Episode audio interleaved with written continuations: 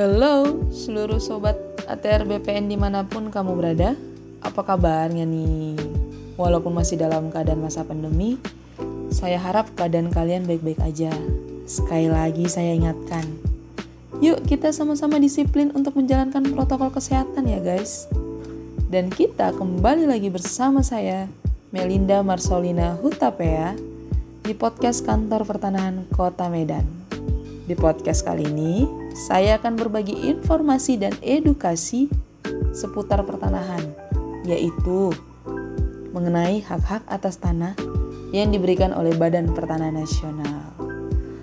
Hak atas tanah adalah hak yang diperoleh dari hubungan hukum antara pemegang hak dengan tanah untuk menguasai, memiliki, menggunakan, dan memanfaatkan serta memelihara ruang di atas tanah dan atau ruang di bawah tanah.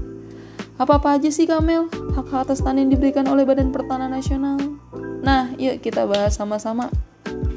Menurut Undang-Undang Republik Indonesia Nomor 5 Tahun 1960 tentang Peraturan Dasar Pokok-pokok Agraria sebagaimana dimaksud dalam pasal 4 ayat 1. Hak yang diberikan ialah hak milik, hak guna usaha, hak guna bangunan, hak pakai, hak sewa, hak membuka tanah, dan hak memungut hasil hutan. Oke guys, kali ini saya membahas mengenai hak milik, hak guna bangunan, dan hak pakai. Lah, kenapa cuma tiga nih Kak Mel? Karena untuk mempersingkat waktu kita ya. Yang pertama hak milik.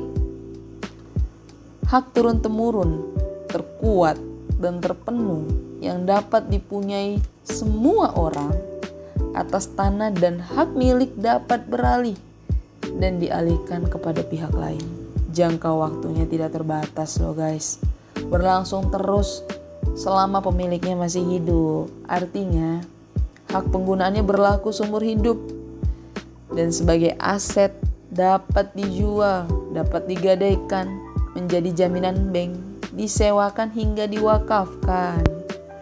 Hanya warga negara Indonesia yang dapat mempunyai hak milik dan oleh pemerintah ditetapkan badan-badan hukum yang dapat mempunyai hak milik.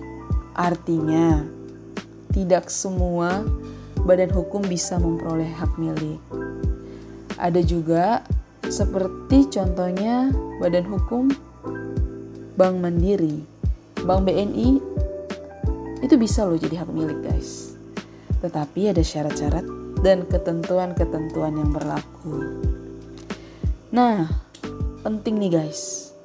Kalau di kantor pertanahan Kota Medan, syarat untuk memperoleh hak milik berdasarkan adanya bangunan yang dipergunakan untuk rumah tempat tinggal berdasarkan dari pertimbangan teknis pertanahannya juga.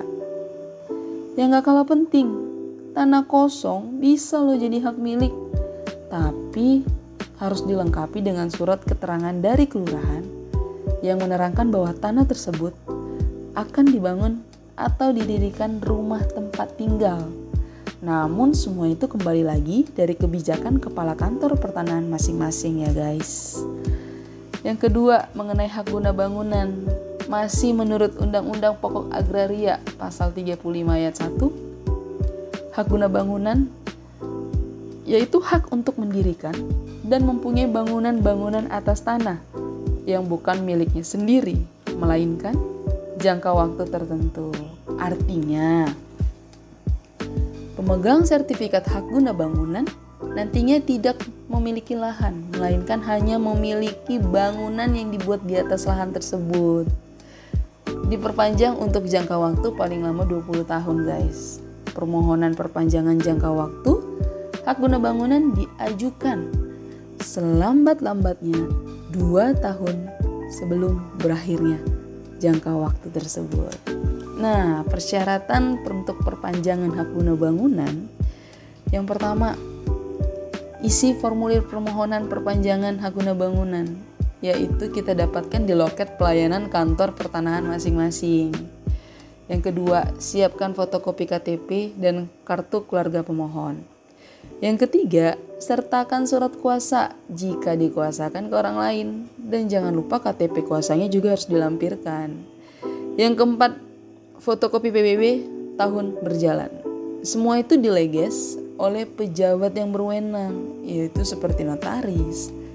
Kantor kelurahan juga bisa, dan kantor pos juga bisa guys. Dan yang paling, paling penting yang kelima adalah jangan lupa bawa fotokopi sertifikat hak guna bangunannya dan dileges oleh kantor pertanahannya masing-masing.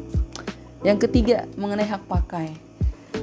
Hak pakai itu hak untuk menggunakan dan atau memungut hasil dari tanah yang dikuasai langsung oleh negara atau tanah milik orang lain. Hak pakai dapat diberikan selama jangka waktu yang tertentu dan selama tanahnya dipergunakan untuk keperluan yang tertentu. Hak pakai dipergunakan dan diberikan kepada instansi pemerintah pusat, pemerintah daerah, pemerintah pemerintahan desa, dan perwakilan negara asing. Nah, demikian saya sampaikan informasi seputar hak-hak atas tanah. Semoga informasi ini bermanfaat ya guys. Tetap pantau terus podcast kantor pertanahan Kota Medan karena masih banyak materi-materi penting yang belum kita ketahui.